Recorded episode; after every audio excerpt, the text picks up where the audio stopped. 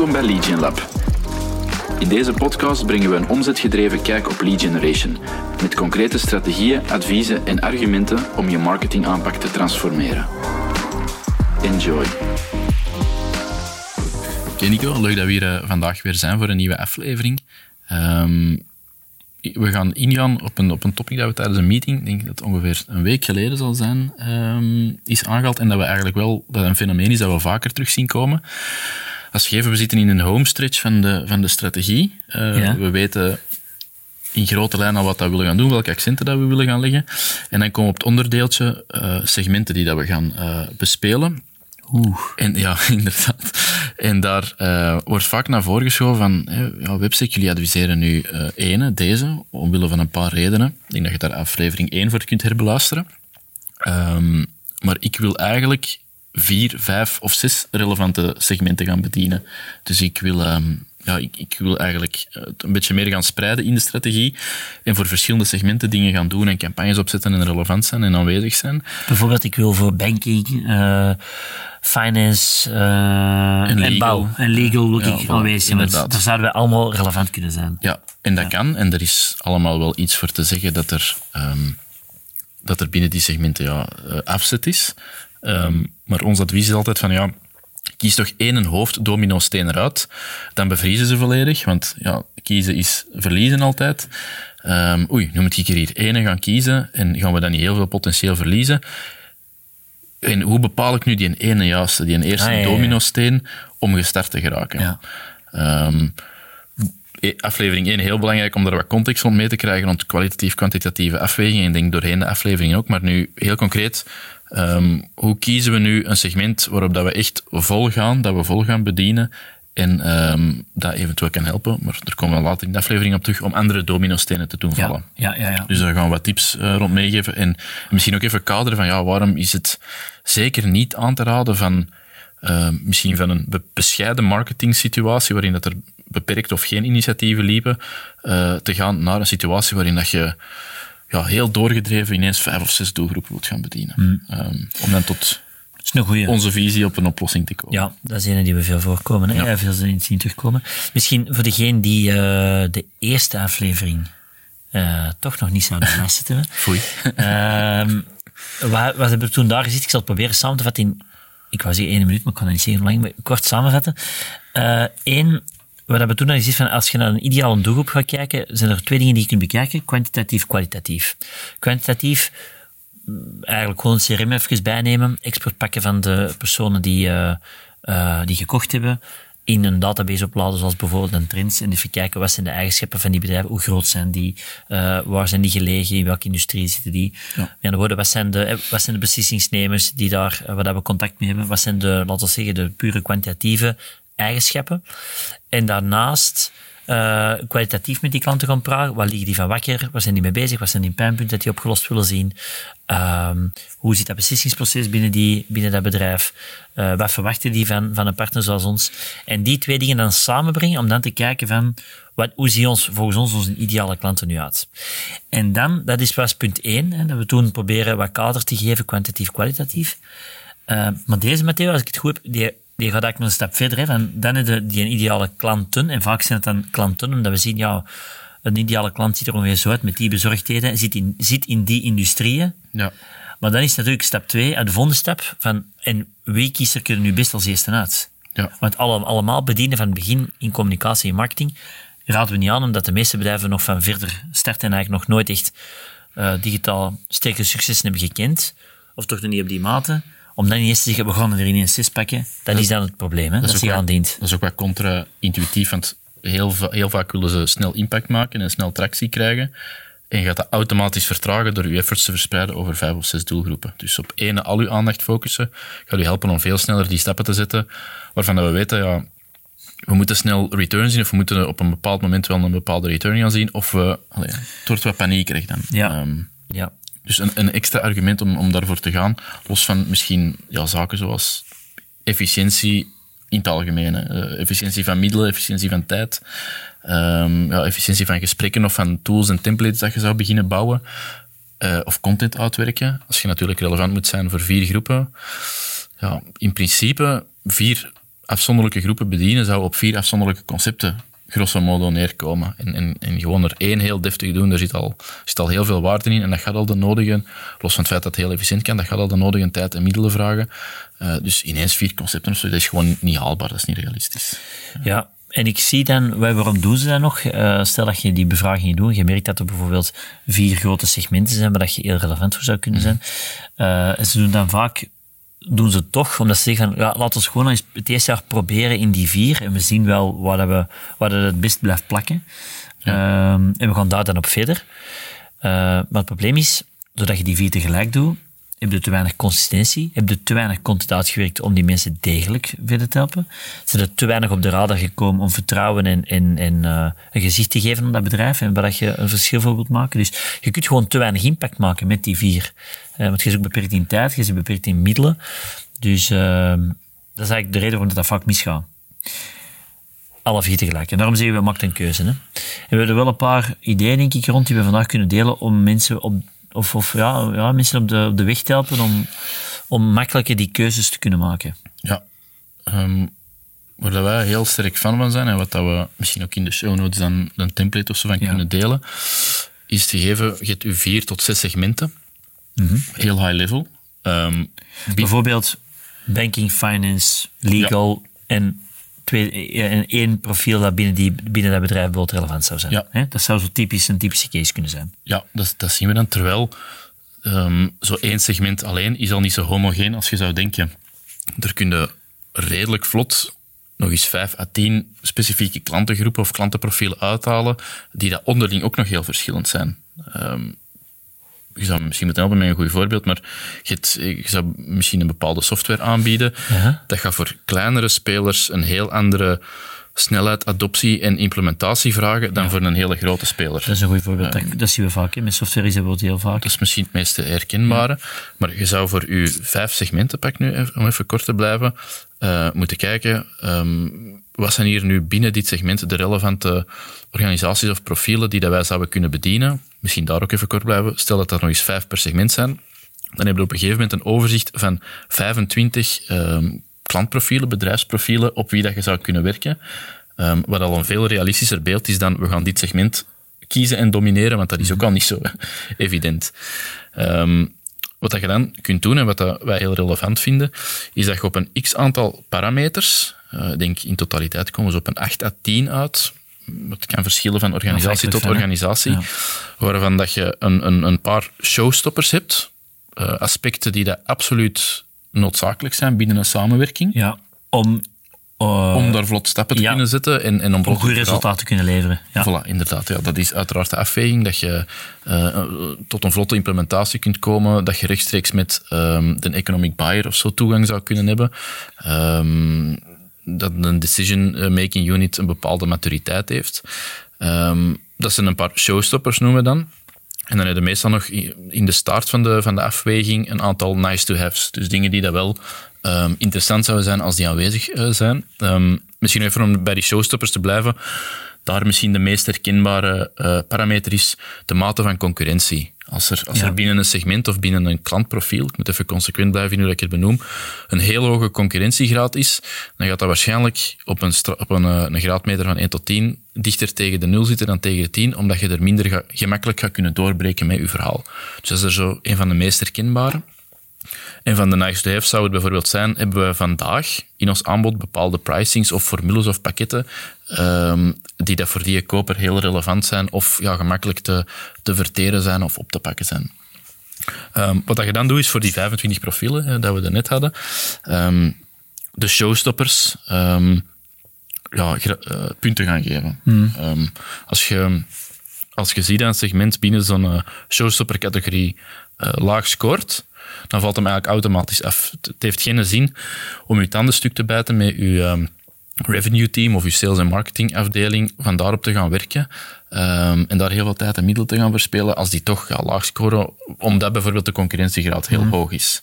Um, niet dat dat nooit om te buigen is, maar je wilt natuurlijk voor het meest opportune segment gaan Je gaat inderdaad meeste weerstand in begin zoeken. Hè? Voilà, dat lijkt mij het logische. En die profielen zijn nooit weggegooid, maar je wilt er nu tot ene komen binnen die verschillende segmenten die dat je, ja, ik vind een goed woord, die dat je echt kunt gaan domineren met je marketingstrategie, met je marketingactiviteiten. Ehm, van de ehm, overblijvers naar je showstopper-parameters uh, gaat op de nice-to-have score. Ook weer van 0 tot 10.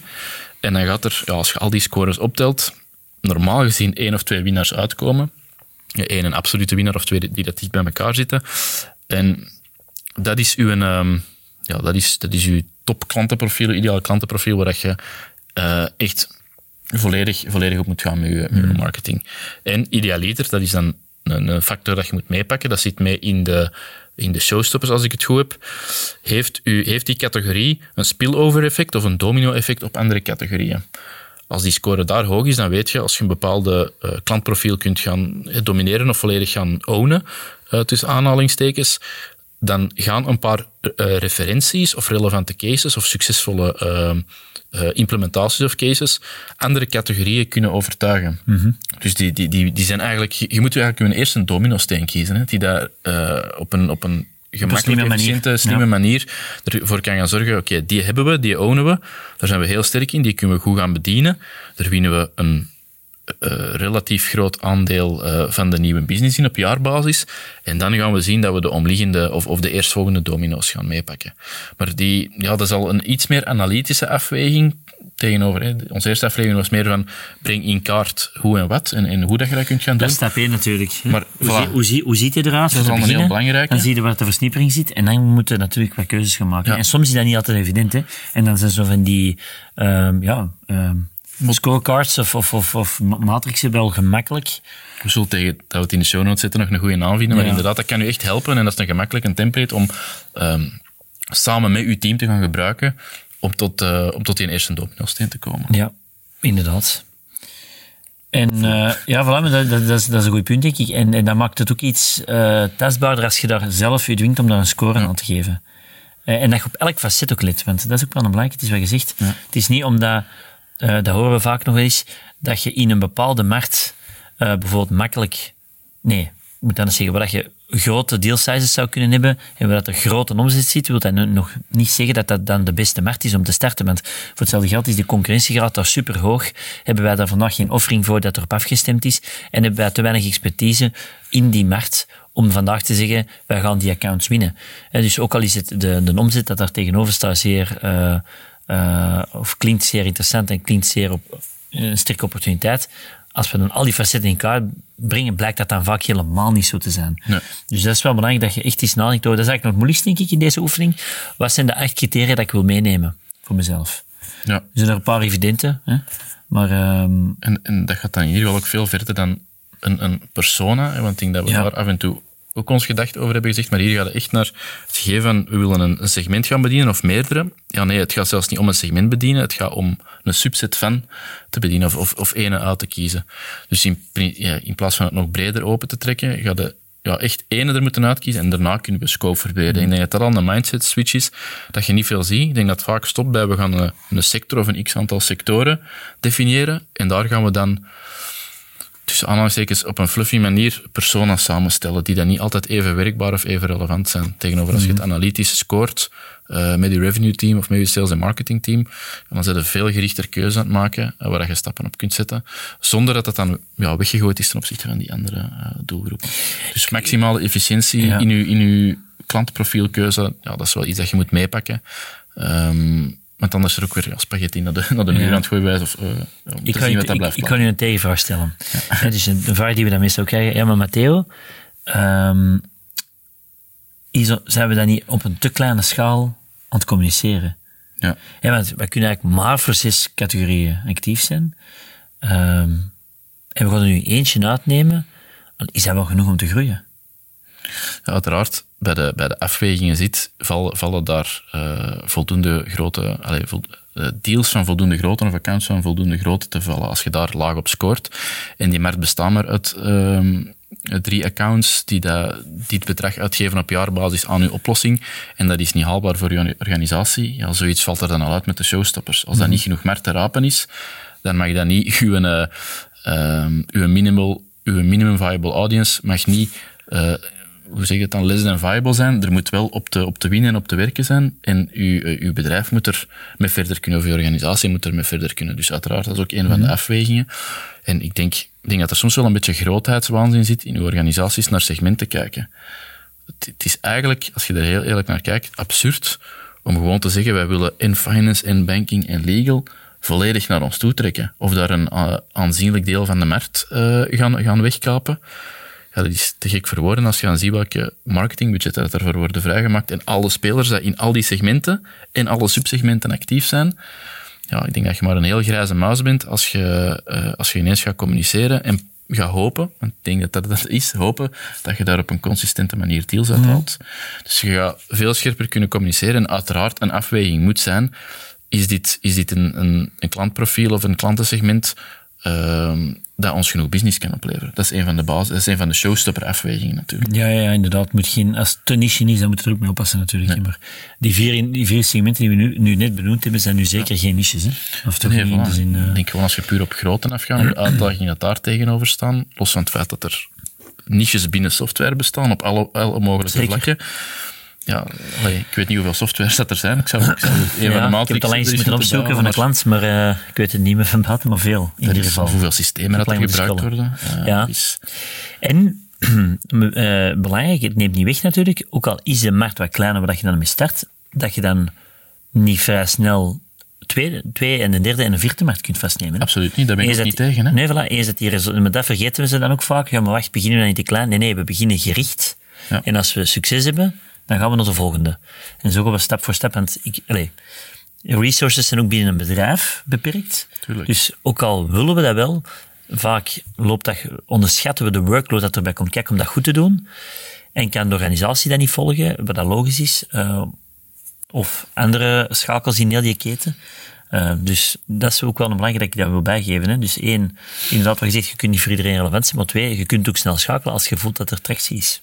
Ik denk dat een stuk... Hoeft elkaar niet, niet, hè, niet nee. maar je gaat gewoon iets meer in de schakel steken dan in één, in één deel te doen. Ik denk dat een stukje ook terug te verwijzen is naar onze aflevering over het marketingbudget. Mm -hmm.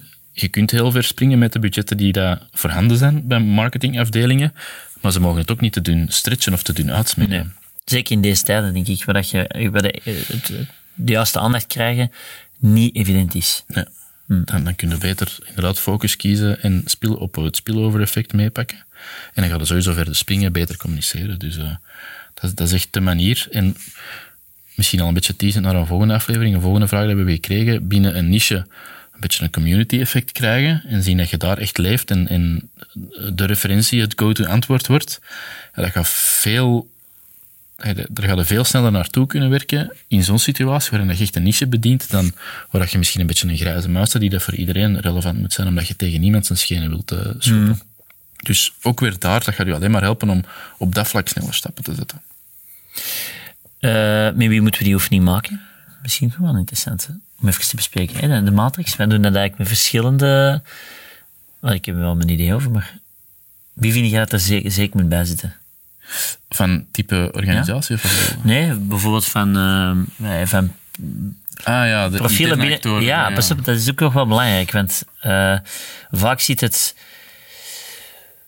Nee, wacht, ik kon eerst al antwoorden. Wat ik die, het eerste gevoel. Voor mij, dat is ook weer een term dat ik nog geen uh, catchy Nederlandstalige vertaling heb gevonden, maar voor mij, uh, de, de, de, de managers van de afdelingen, van de client-facing afdelingen. Ja. Ik vind dat de relevante. En dan is dat sales en marketing voor mij mm -hmm. voorop. Um, dan is dat iedereen dat met support service te maken heeft. Um, customer success, soms als het er is. Customer success, inderdaad. Uh, ja, alle mensen die dat er, uh, ja, die, die dat voeling hebben met de markt, met de verschillende profielen. Want mm -hmm. iemand die dan niet betrokken is bij, uh, bij implementaties of bij de successen van de bestaande klanten, die gaat heel moeilijk uitspraak kunnen doen, of heel moeilijk een score kunnen geven op die showstop-parameters en die nice-to-have-parameters. En je wilt natuurlijk absoluut vermijden dat de scores worden gegeven uit buikgevoel. Um, uh, ja. Want die gaan dan weer keuzes... Dan, dan, dan ondermijnt je heel het effect natuurlijk. Uh.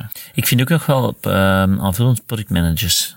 Ja. Soms, allee, afhankelijk van welke soort bedrijf dat je actief zijn, maar productmanagers die dus nadenken over hoe kunnen we dit product verder uitbouwen, uitbreiden, verbeteren, vind ik ook wel super waardevol dat die erbij zitten, want dan weten ze voor wie dat ze aan het verbeteren zijn en dan weten ze eigenlijk waar dat ze aandacht aan moeten, al, al welke voordelen ze aandacht moeten schenken. Ja, in, in In communicatie. functie van die ja. ideale doelgroep, hè? Ja. Tuurlijk, ja. Die kunnen vaak ook wel iets zeggen van, kunnen wij dit product afgestemd krijgen op die specifieke doelgroep? Of Ja. is dat heel complex en die gaan daar dan weer beter eh, zicht op hebben? Maar ik ik vind dat een goede, ja, goed, ik denk client-facing, dat dat de juiste term is. Ja. Dus zeker geen oefening alleen te doen met het marketingteam. Nee, nee, ook nee. hier heel... Dat is weer een gevaarlijke bubbel, denk ik. Ja. Dat is een gevaarlijke, ja, want, want hè, sales heeft iets in gedachten, marketing doet dan de oefening en dan eh kijkt marketing op een andere manier dan sales dan zou kijken, want zij hebben dan een ander soort gesprekken met klanten. Ja. En dan komt dan een, ideale prof, een ideaal profiel dat dan toch niet helemaal matcht met alle eh, ideeën binnen de organisatie. Dus iedereen die client-facing is, C-level, sales, marketing, customer success, Ja. eh, support, product management profielen. Ja. We zullen ongetwijfeld nog zijn die we vergeten nu, maar dat zijn zowel de key ja, stakeholders die je in deze oefening moet betrekken. En samen die score maakt. Hè? Om dan te zeggen, dit is onze strategische Ja. 1, 2, 3 aanpak. Eh, ja. Iedereen dat eigenlijk iets kan zeggen over de werking, de noden, de, de, de, de features die belangrijk zijn binnen de, de verschillende segmenten die dat je beoogt eigenlijk. Ja. Dus, en dat kunnen inderdaad in sommige gevallen zijn dat productmanagers voor bepaalde type organisaties. Ehm, Ja, of wat ik bijvoorbeeld ook nog heb gehoord, aanvullend daar, wat je zegt, ehm, best, niet bij elk type bedrijf, maar bedrijven die een soort, ehm, hoe moet ik dat zeggen, na-service dienst hebben, voor, bijvoorbeeld bij problemen of, of klachten van klanten, dat zit een beetje bij support, Ja. maar die dan bijvoorbeeld gaan depaneren bij klanten, Ja. of die eh, onderhoud gaan doen, dat vind ik ook interessant, bedrijven die met onderhoudsteams zitten, Ehm, ook super waardevol om daar toch één of twee mensen dat mee te pakken. Want die gaan dan soms zeggen, ah ja, maar ja, dat is wel waar, voor die en type klant zouden wij heel geschikt kunnen zijn, maar ik weet achteraf dat er voor die en die redenen vaak wel wat issues komen met het type product dat wij hebben. Want die type onderdelen zullen heel snel eh, slijtage oplopen en wat mistevredenheid of, of eh, ja, wat, wat ehm, moet ik dat zeggen, eh, ontevredenheid bij die type klanten. Dus ik zou die niet pakken als, eh, als ideaal profiel, want dan hebben we nadien misschien wat meer schade dan dat we op voorhand hadden ingeschat. Ja. Dus dat daar ook over wordt nagedacht. De eerste klant zijn, wat zijn dan de issues die dan nog kunnen opspelen, die we, die we wel moeten meepakken in die overweging. En eigenlijk, nu dat je zo misschien wat tot de conclusies biedt komt, Ja. als, je, als je een sales team vandaag actief hebt, of een sales of een marketingteam, ehm, en dan je geeft die de sector finance mee, Ja. Eigenlijk, is dat absurd. Hoe, hoe kunnen die nu scopen en kwalificeren op zo'n brede, op zo'n breed segment? Laat staan vier of vijf segmenten naast elkaar. Ja. Dus ik denk dat een beetje de, de grootheidswaanzin eruit moet. En het idee van een, een, een niche echt daar superfans creëren en die echt op gaan bedienen. Ja, dat- Snelle schakeling in niche, dat is eigenlijk de... Voilà, ja. inderdaad. Want allee, kwalificeren op legal, ja, er valt heel veel, allee, misschien nog eens om in herhaling te vallen, er valt heel veel binnen. Maar als je weet, dit specifiek segment met die herkenningspunten binnen legal, ja, dat gaat u alleen maar helpen om beter te targeten aan de marketingkant en beter outreach te doen of, of op pijnpunten in te spelen vanuit de saleskant. Ja, zeker Ehm, waar. Dus allee, op alle vlakken voor iedereen veel vlotter verhaal afstemmen. Voilà, doorvertaling naar de website, doorvertaling naar de diensten, naar de formules. Dus ja, in plaats van meer zou ik zeggen minder en gewoon ja, Oké. 10x of supergoed. Dat Ja. zal eh, de conclusie zijn. Alright, ik, eh, ik zal het misschien even kort proberen samen te vatten. Eh, veel gezegd, maar ik, dus eerst, ik denk, begint met aflevering 1 te luisteren, je nog niet hebben gedaan, eh, waar we het hebben over eh, kwantitatieve en kwalitatieve parameters om naar een doelgroep te kijken, zodat je dat wat meer in kaart kunt brengen van waar zit mijn doelgroep en hoe ziet het er ongeveer globaal uit. En dan, als je een paar eh, doelgroepen hebt bepaald, dan kijken in de tweede fase van wie gaan we er nu uitpikken. En probeer dan naar die eerste doelgroep te, te focussen, ene eruit te nemen die zeer helder is. En op basis, en we zullen het in de show notes zeker proberen mee te nemen, eh, op basis van eh, de profielen enerzijds en de, de, laten we zeggen, de, binnen, de, de eigenschappen anderzijds, probeert een score aan te geven, probeert te kijken waar, op welk, eh, op welk segment je de hoogste score haalt en pak die eruit. En probeer dan zeker die oefening te doen met iedereen die client-facing is, dus niet enkel in sales, niet enkel marketing, maar ook bijvoorbeeld customer success, C-level, eh, mensen die in onderhouds, bijvoorbeeld ook bij klanten zitten, zodat je echt een perfect beeld hebt over al die eigenschappen Ja. en de verschillende profielen binnen dat bedrijf. Hè, van aankoper tot persoon die het product gebruikt, tot persoon die het misschien technisch moet gaan implementeren. Zodoende dat je de, een goed vertrekpunt hebt. En dan zullen zien dat er één, twee, misschien drie uitspringen. En probeer daar, daar nog eens een keuze in te maken en dan dadelijk een top drie uit te werken. Ja. Eh, en van daaruit te vertrekken, zorg je dat je daar sneller tractie hebt, eh sterker aanwezig kunt zijn, die een doelgroep kunt gaan domineren en dan naar de volgende gaan. Voilà. Orde in de chaos, goed Ja. samengevat. Moesten er mensen zijn die eh, daar nog vragen over hebben of, vastlopen of de show notes niet vinden die wij misschien nog niet hebben meegegeven. Ik kan er werk van maken. Dat is mij. ik zie dat nog eens snel. Eh, laat het ons weten. Eh, stuur ons via LinkedIn iets of ehm, stuur uw vraag in via webstack.be slash vraag. En dan komen we daar heel graag op terug of maken we er zelfs een nieuwe aflevering van. Alvast tot snel en tot onze volgende Gen Lab.